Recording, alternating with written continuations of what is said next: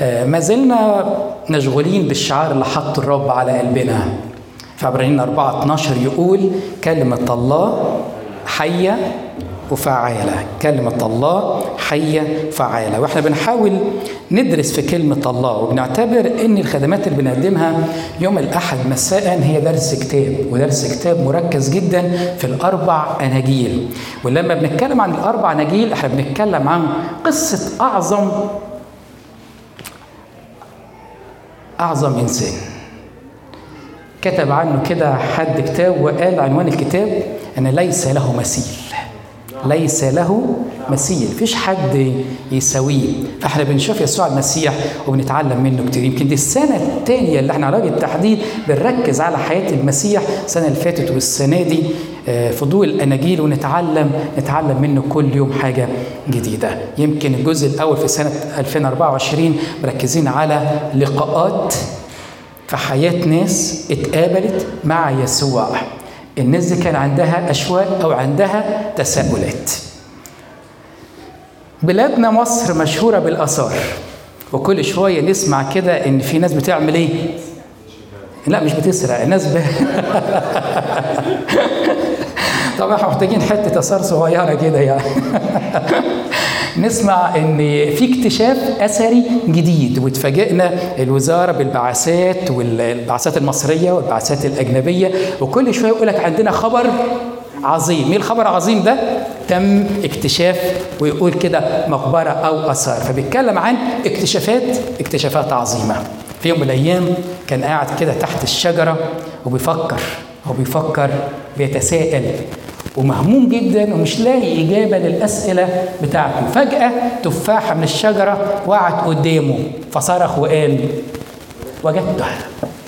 ده كان نيوتن اللي كان مشغول جدا. إيه اللي ماسك الدنيا ببعضيها وإيه اللي بيخلي الأجسام التقيلة تنزل من فوق لتحت؟ فاكتشف قانون الجاذبية. كل كام سنة كده منظمة مشهورة بتدي جايزة اسمها جائزة نوبل وبتديها لفروع كتير جدا من حاجات البشر لكن فرع مهم جدا اللي هو العلوم العلوم. ففي جائزة نوبل للعلوم ده بيدوها لحد أثنى عمره وهو بيدور ويبحث ويوصل لاكتشاف جديد. كان عندنا واحد في الكتاب المقدس في العهد القديم حياته كلها مليانة أسئلة. وما عندوش إجابات. أمال يسأل أمال يسأل. وأصحابه اللي حواليه زودوا كمان الاستفهام في حياته فزادت حيرته وكمان زاد معاها الأسئلة. غريب جدا إنه لما اتقابل مع الرب في يوم من الأيام قال له كده بسمع الأذن قد سمعت عنك. أما الآن فقد رأتك عيناي وكأنه قدام اكتشاف اكتشاف عظيم. عشان كده هتكلم في هذا المساء تحت عنوان الاكتشاف العظيم. افتحوا معايا إنجيل يوحنا الاصح الأول وهنقرأ مجموعة من الآيات ابتداء من عدد 43 لنهاية الاصح إنجيل يوحنا الاصح الأول وأنا بحب الاصح الأول جدا جدا في إنجيل يوحنا. يعني الاصح ده تلاقونا بنتكلم فيه كتير وبنرجع عليه كتير وما زال روح الله ينور فيه كتير ويمكن الاصح الأول بيحكي بقوة عن من هو يسوع من هو يسوع. ده الاكتشاف العظيم اللي بيقدمه لينا الكاتب أو الشخصية اللي هنقف قدامها. ابتداء من عدد 43 لنهاية الأصح. وأنا عايزكم تركزوا في الاكتشافات في الاعترافات وإجابة عن أسئلة في الجزء اللي إحنا هنقراه. يقول كده في الغد أراد يسوع أن يخرج إلى الجليل فوجد فيلبس فقال له اتبعني وكان فيلبس من بيت صيدا من نفس المدينة مدينة أندراوس وبطرس. فيلبس وجد نثنائيل وقال له وجدنا الذي كتب عنه موسى في الناموس والأنبياء. من هو؟ يسوع ابن يوسف الذي من الناصرة. فقال له نثنائيل أمن الناصرة؟ يمكن أن يكون شيء صالح؟ قال له فيلبس تعالى وانظر. ورأى يسوع نثنائيل مقبلا إليه فقال عنه هوذا إسرائيلي حقا. لا غش فيه. قال له نثنائيل من أين من أين تعرفني؟ أجاب يسوع وقال له قبل أن دعاك في لبس وأنت تحت التينة رأيتك. أجاب نسنائيل وقال له اكتشاف اكتشاف. يا معلم أنت ابن الله أنت مالك إسرائيل أجاب يسوع وقال له هل آمنت؟ لأني قلت لك إني رأيتك تحت التينة سوف ترى أعظم من هذا. وقال له الحق الحق أقول لكم من الآن ترون السماء مفتوحة وملائكة الله يصعدون وينزلون على ابن الإنسان. أمين. مرة كتير بنظن إن الاعتراف اللي جه في إنجيل متى صح 16 وعدد 16 وكان أول اكتشاف وأول إعلان عن هوية يسوع المسيح. اللي قاله بطرس أنت المسيح ابن الله الحي. كلنا بنعتبر هذا الاعتراف هو اعتراف جديد. وغالبا بطرس أول واحد اكتشفه. لما تقروا إنجيل يوحنا الأصحاح الأول هتلاقوا كتير قالوا قبل بطرس عن يسوع المسيح أنت ابن ابن الله. اذا ما كانش بطرس هو أول واحد بيقدم الاعتراف ده. لكن انجيل يوحنا هنا بيدينا معلومات جديدة. ودي فايدة الأربع اناجيل لما بنحطهم جنب بعض. متى 16 يجي اعتراف بطرس. لكن يوحنا الأصح الأول يقدم لنا اعترافات. هنيجي قدامها في يوحنا المعمدان يقول مرتين في الأصح اللي قدامنا عن يسوع المسيح أنه ابن ابن الله. لكن كمان يجي نثنائيل ويقدم لنا اعتراف واكتشاف عظيم لما قال له كده في عدد 50 49 أجاب نثنائيل وقال له يا معلم أنت ابن الله أنت ملك ملك إسرائيل. الخلاف حول هوية يسوع من هو؟ يمكن بنعتقد إن الخلاف كان موجود في القرن الأول الميلادي بس لكن لو بصينا كده طوال الألفين سنة ما زال السؤال بيتردد. مين هو يسوع؟ عند الناس في نظرها في قلوبها في أفكارها عند القريبين عند البعيدين. يمكن في القرن الرابع الميلادي كانت بدعة أريوس بدعة كبيرة جدا جدا اللي بتنكر لاهوت يسوع المسيح وبتعتبر يسوع المسيح مجرد إنسان. من كتر البر والصلاح بتاعه الله كان راضي عنه فالله اختاره فخلاه أعلى من البشر لكنه أقل من الله. لكن يجي سنة 325 في مجمع نيقيا يجي اثناسيوس المصري المدافع العظيم ويحط لنا قانون الإيمان ويعترف فيه أن يسوع إله كامل وأيضا إنسان إنسان كامل. إنجيل يوحنا بيحكي عن نفس الأمر عن نفس الأمر. لأن في القرن الأول الميلادي اتوجدت مجموعة من البدع اللي كانت بتنكر إذا كان جزء منها بينكر لاهوت المسيح يعتبره إنسان عادي أو بعض كمان البدع اللي بتنكر إنسانية يسوع المسيح وكانت بتعتبره مجرد خيال بيمشي على الأرض ما يتركش آثار على الأرض. فيجي إنجيل يوحنا ويتكلم عن ابن الله وابن وابن الإنسان. لما نرجع لمتى أربعة ولوقا أربعة نلاقي إن مش بس البدعة اللي كانت موجودة في الكنيسة في القرن الأول الميلادي لكن من أول ما بدأ يسوع المسيح إنه يصعد بالروح للجبل ويقعد أربعين يوم وهو بيستعد قبل الخدمة الجهارية بتاعته يقول كده إن إبليس ما سابوش في حاله. وفي التجربة الأولى والثانية كان دايما المدخل بتاع إبليس يقول له إن كنت أنت ابن ابن الله. إذا التشكيك في هوية يسوع المسيح موجود من إبليس من بداية يسوع المسيح وكمان موجود طوال القرن الأول ثم استمر لحد النهاردة. نسمع الإلحاد وإنكار الله والبعد كمان عن يسوع المسيح. البعض بينظر للرب يسوع المسيح على إنه مجرد نبي أو نبي عظيم أو معلم فيش حد جه زيه لكن في النهاية هو مجرد نبي. معلم. على فكرة الكلمة اللي بقولها الأولى اللي قالها له نسنيل هنا معلم معلم. اعترف إن هو معلم. أو البعض بينكر من الأساس وجود شخصية المسيح في التاريخ. يعني إحنا بنتكلم بنقول يسوع المسيح ده شخصية حقيقية تاريخية. يعني إيه حقيقية تاريخية؟ مش أسطورة مش خرافة مش حكاية. البعض صاغها فكانت حلوة فانتشرت في العالم. لا ده شخصية حقيقية اتولد في يوم من الأيام اتسجل اسمه في السجلات اليهودية أو السجلات كمان الرومانية.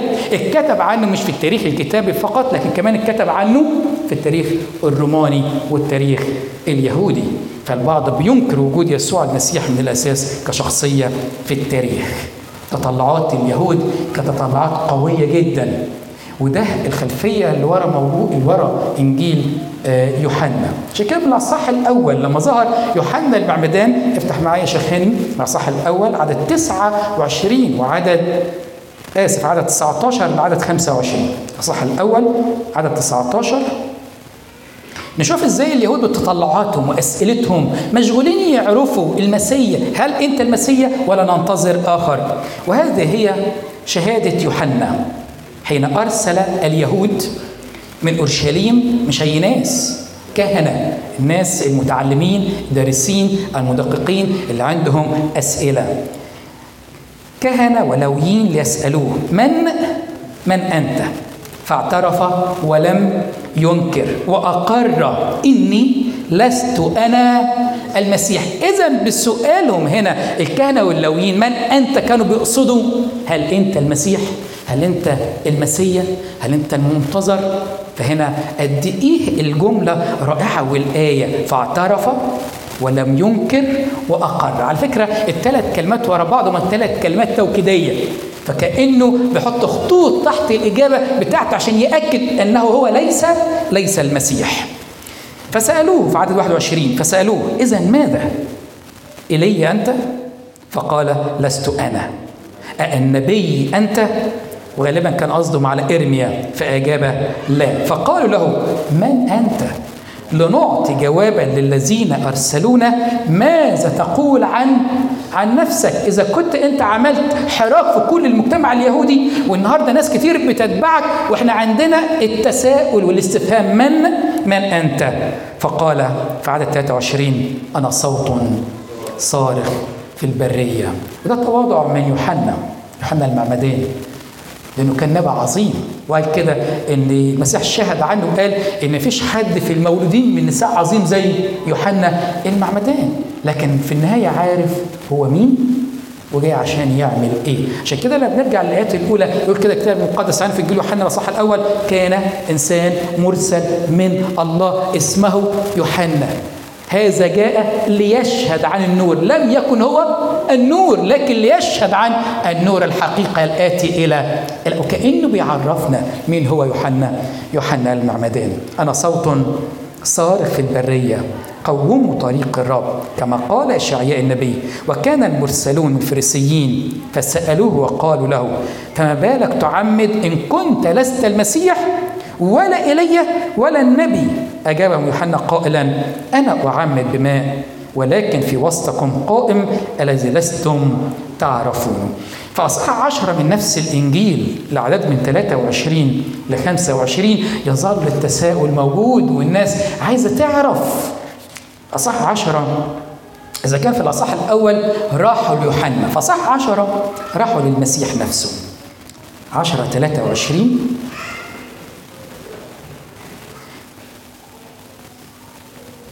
وكان يسوع يتمشى في الهيكل رواق سليمان.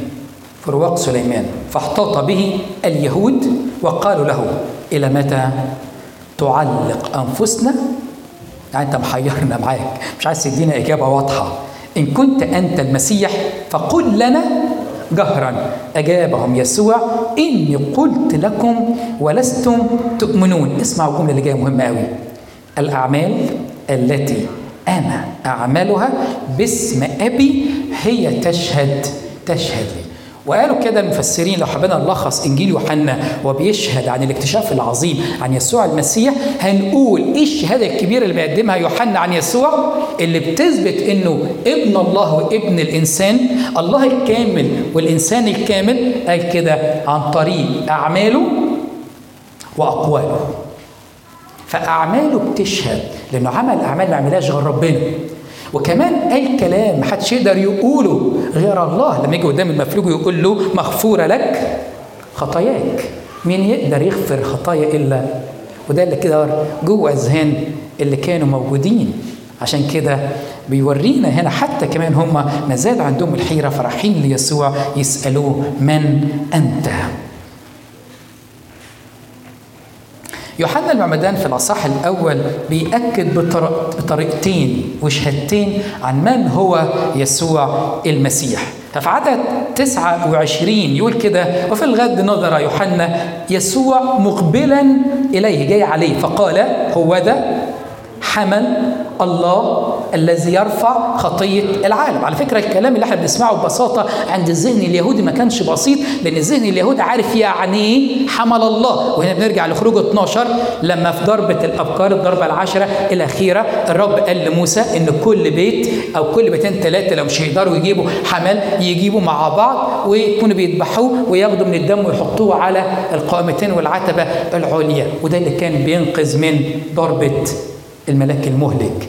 عشان كده لا الذهن اليهودي مدرك لما يوحنا المعمدان بيشاور عن يسوع المسيح ويشهد عنه ويقول يا جماعة ده الحمل الكامل اللي إحنا منتظرينه ده المسيح المنقذ هو ذا حمل الله الذي يرفع خطية العالم. في نفس الأصح وعدد 36 برضه يوحنا المعمدان يقول كده فنظر إلى يسوع ماشيا فقال هو ذا حمل الله. مرتين في نفس الأصحاح.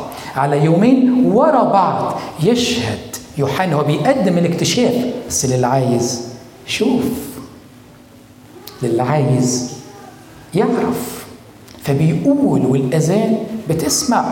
لكن للأسف إبليس أعمى اذهان غير المؤمنين. في الاصح الأول برضو عدد 32 يورينا شهادة تاني. يوحنا المعمدان بيتكلم عن شهادة الروح القدس عن يسوع المسيح. في عدد 32 يقول كده وشهد يوحنا قائلا.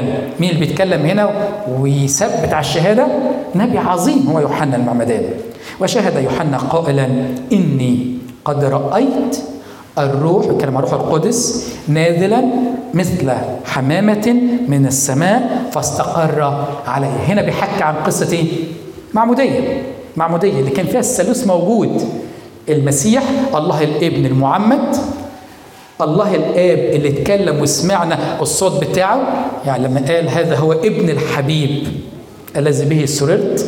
بعد كده الروح القدس وهنا يوحنا بيقول أنا شفت أنا شفت. الروح مستقر مستقر عليه. اللي بيشهد لي أنه ابن ابن الله. عشان كده أنا قلت إن إنجيل يوحنا مملوء بإجابات واضحة متنوعة من ناس كتير عن من هو يسوع.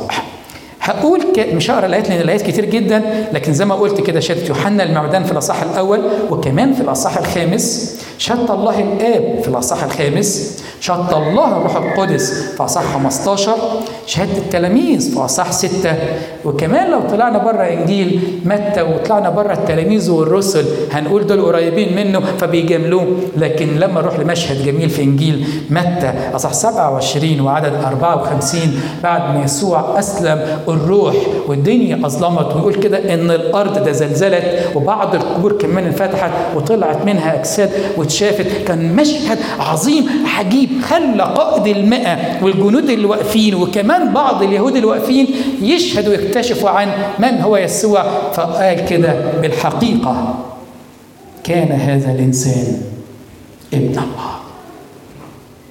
بالحقيقة كان هذا الإنسان ابن الله. وكأنه في هذه اللحظة نور استنارة معرفة.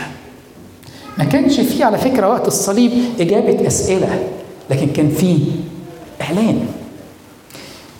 أيوب لما اتقابل مع الرب في العهد القديم ما كانش فيه إجابة أسئلة لكن كان فيه إعلان. كمان يوحنا ما خدش ودة مع المسيح ولا أسئلة كتير لكن كان فيه إعلان. مرات كتير بنختلف في هوية يسوع المسيح. ونجيب الناس الناس ونتناقش ويكون عن طريق الأسئلة وبنحاول نتخانق عشان نعرف الناس بالمسيح مع إن اللي بيتقابل معاه وهو عنده مجرد إشواق للمعرفة. بيتعرف بيه. ويكون عنده اكتشاف عظيم. فالمدعو يدعو. دي العدد من 43 ل 46 ناخد فيها دقيقة أو دقيقتين عشان نروح لنسنائيل المدعو بيعمل إيه؟ يدعو.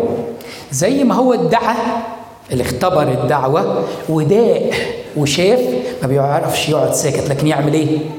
هو كمان يدعو. بيحكي كده في بداية الأصح عن يسوع المسيح حب يختار التلاميذ بتوعه. ويمكن القصص مختلفة في الأربع اناجيل لما نرصها جنب بعض إزاي يسوع اختار تلاميذه. في إنجيل مرقس الأصح الأول يحكي عن كده. لكن بتعجبني القصة هنا. القصة إن يسوع طلع يدور فوجد فيلبس طبعا كان في اليوم اللي قبليه كان دعا بعض التلاميذ. لكن الرائع فيه فيلبس ده اللي أنا واقف قدامه إن زي ما الرب وجده ودعاه شوف الآية هنا يقول إن فيلبس وجد نسنائيل وكانه رايح يدور عليه عايز يقول له على اكتشاف على خبر على حاجة حلوة.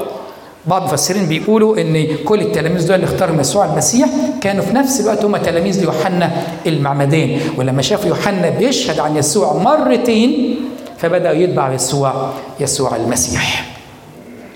فيلبس يبحث عن نسنائيل ويدعوه عشان يتعرف بالمسيح. التلميذ الحقيقي هو اللي بيؤمن بالمسيح ورسالته ولما بيؤمن بالمسيح ورسالته ما يعرفش يقعد ساكت لكن يذهب للشهادة للآخرين. ولما يروح بالشهادة للآخرين ما يسيبهمش غير لما يجيبهم معاه للمسيح.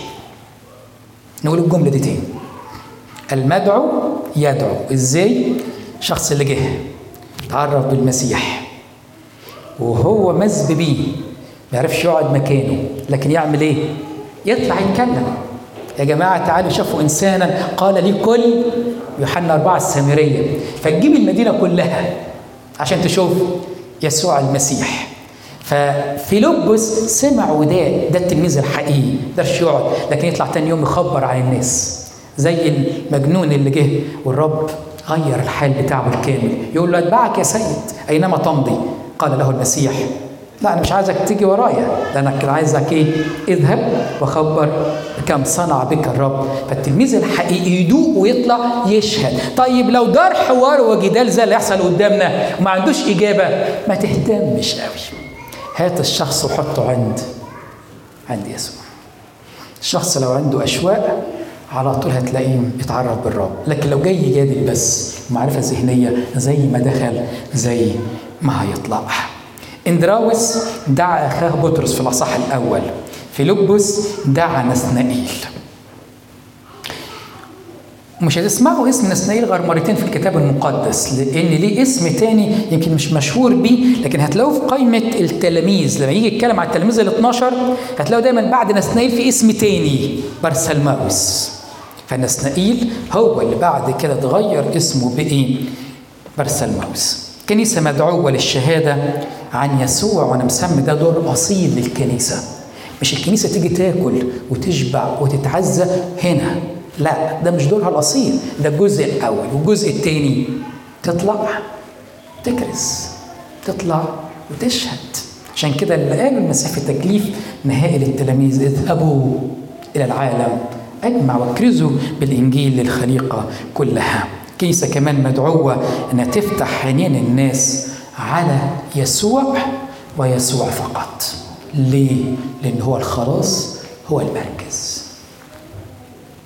لا تعليم حلو ولا ملكوت رغم إن إحنا عايشين في ملكوت المسيح لكن ملكوت بدون المسيح مش لازمة.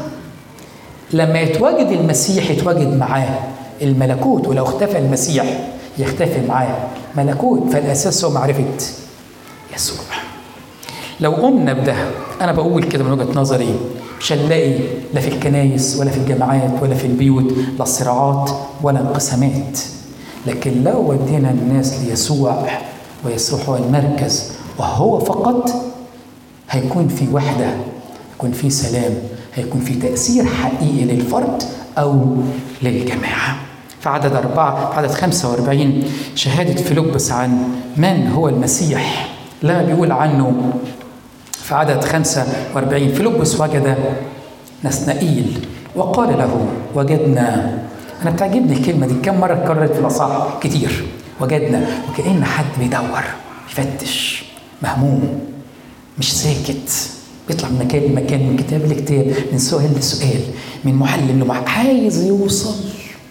ليقين عايز يوصل لاكتشاف فهنا فيلبس يقول له أخيرا وجدنا الذي كتب عنه موسى في الناموس والأنبياء يسوع ابن يوسف. لما يقول ابن يوسف هنا مش معناه إن هو بينكر إنه ابن الله أو ابن الإنسان لكن بيقدم لنا السجل الزمني التاريخي هو بالفعل ابن يوسف ومريم الذي من الناصره فده كانت شهادة رائعة بيقدمها فيلبس وأنا بقول إذا تبعية التلاميذ المسيح كانت مبنية على إيمانهم واكتشافهم من هو؟ يسوع إنه المسيح اللي اتكلمت عنه الكتب في العهد القديم. نسنائيل في عدد 46 يشكك في الكلام. زي أي حد بيدور ويبحث ومش قادر يصل ليقين فلما بتجيله معلومة مش هيقبلها ببساطة في البداية لكن هيشكك فيها. فقال له نسنائيل امن الناصره يمكن أن يكون شيء صالح. مش مصدق ان ممكن يطلع من الناصرة لأن الناصرة كانت مدينة مشهورة بفسادها شوية بشرها وبالتالي هي دي اللي هيطلع منها حد كويس زي المسيا اللي أنت بتقول عليه اللي إحنا منتظرينه. لا يختار مدينة أفضل من كده. على فكرة هو كان من ضمن المدينة الكبيرة من مدينة جنب الناصرة جنب من الجليل عامة فهو مش غريب عن الوسط ده وكأنه هو واحد منهم. فهو بيشكك إن يطلع حاجة حلوة من مدينة الناصره ويطلق عليها بعد كده ناصره الجليل. أنا بحب فيلبس وبحترمه. يمكن ما كانش عنده إجابة. ما كانش عنده قدرة على المجادلة. مع إن إحنا بنحب إيه؟ الجدال. حبش حد يغلبنا في الكلام. فنفضل نجادل بالكلام ونقضي كل حياتنا كلام. قال له كلمتين بس. أنا ما عنديش حاجة أقولها لك غير تعالى. انظر.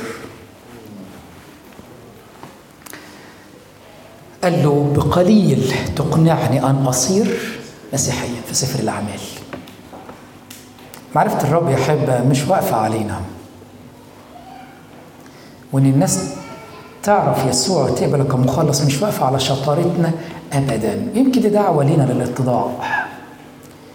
إذا كنت مستخدم بقوة إذا كنت مشهور إذا كنت الناس بتتكلم عنك وعن خدمتك صدقني لأن الرب عايز يشرفك بخدمته مش لأنك أنت شاطر. فاتضع لأن الناس مجرد ما بتتقابل بأشواقها مع المسيح هي لوحديها. بتدوب بتدوب. فقال له فيلبس هنا قدامنا تعالى وانظر. وهنا افتكرت اشعياء 53 والآية الأولى. يقول كده اشعياء من صدق خبرنا.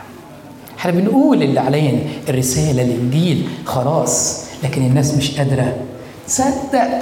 لا الشعب في القديم قادرين يصدقوا ولا الناس النهارده لما بتسمع إن يسوع المخلص الفادي وهذا الاكتشاف العظيم وإن بدون حاجة لا باعمال ولا بصوم ولا بفلوس ولا بزكاة ولا المجهودات البشرية اللي كلنا بنتعب عشان نبان قدام الناس شاطرين وحلوين. خالص. ليس من أعمال كي لا يفتخر أحد. لكن هو هو بيقول لك تعالى. تعالى اتعرف بيا تعالى منظر. بسرعة قدام العدد من 47 ل 51 عشان الوقت. بيجري والكلام جميل.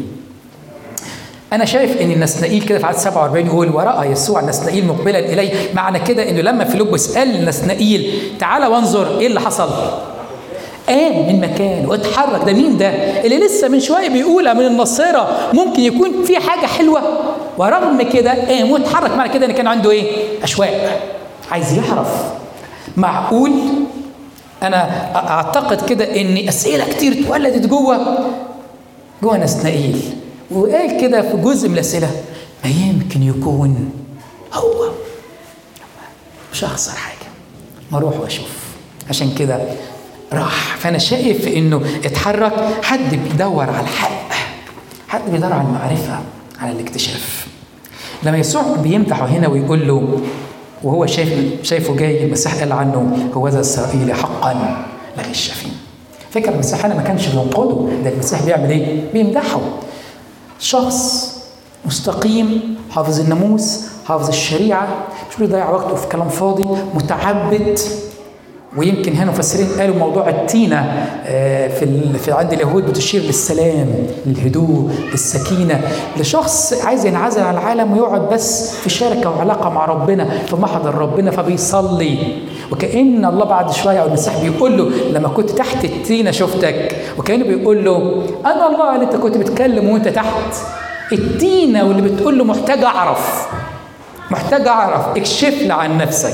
أنا منتظرك. يقول له أنا شفتك. فهنا كان بيمدح. وفي نفس الوقت يقول له أنا الله. لما بيقول له وأنت تحت التينة أنا رأيتك. لأن كان السؤال غريب أنا ضحكت عليه شوية.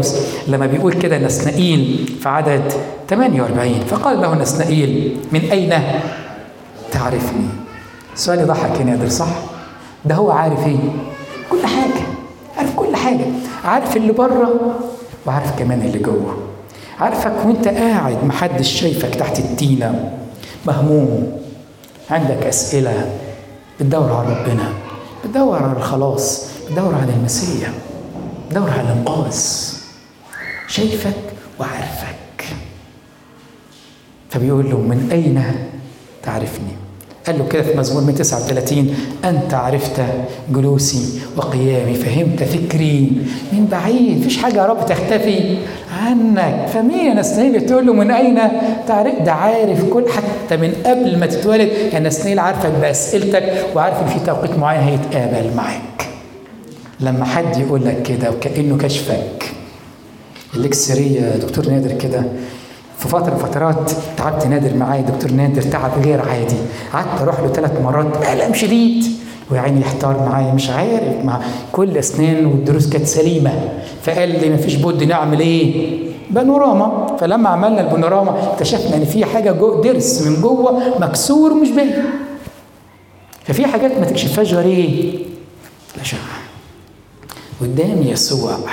هو مش جهاز أشعة ده هو كمان شاف الدوافع والنيات يقول له كده في إرميا القلب أخدع من كل شيء وهو نجيس ويسأل سؤال استنكاري من يعرفه؟ تيجي الإجابة في الآية اللي بعدها على طول يقول له أنا الرب فاحص القلوب ومختبر الكلى. فبيقول لي يا نسنائيل أنا شفتك وعارفك وشايف أشواك وسمعت صلاتك اللي كنت بتصليها وأنت تحت التينة. عشان كده صرخ الصرخة المباشرة في عدد 49 أجاب النسنائيل وقال له يا معلم أنت ابن الله أنت ملك إسرائيل. فكرة ده أعظم لقبين عن المسيح في العهد الجديد. ابن الله وملك إسرائيل. يمكن هنتعرض في فتره فترات وإحنا بندرس في الدراسة بتاعتنا السنة دي عن مثلا في الدخول الانتصاري. لما تجيب الأربع قصص بتوع الدخول الانتصاري هتلاقي الجمل دي بتتكرر. ملك إسرائيل ملك إسرائيل. لأن كانت الأشواق اللي قلب كل يهودي إن يجي المسيح الملك المخلص المنقذ. يمكن بعد شوية هتفتح حنان نسنائيل وبقى التلاميذ على مخلص مش أرضي ولا ملك أرضي لكن مخلص للقلوب مخلص للأرواح يسوع المسيح.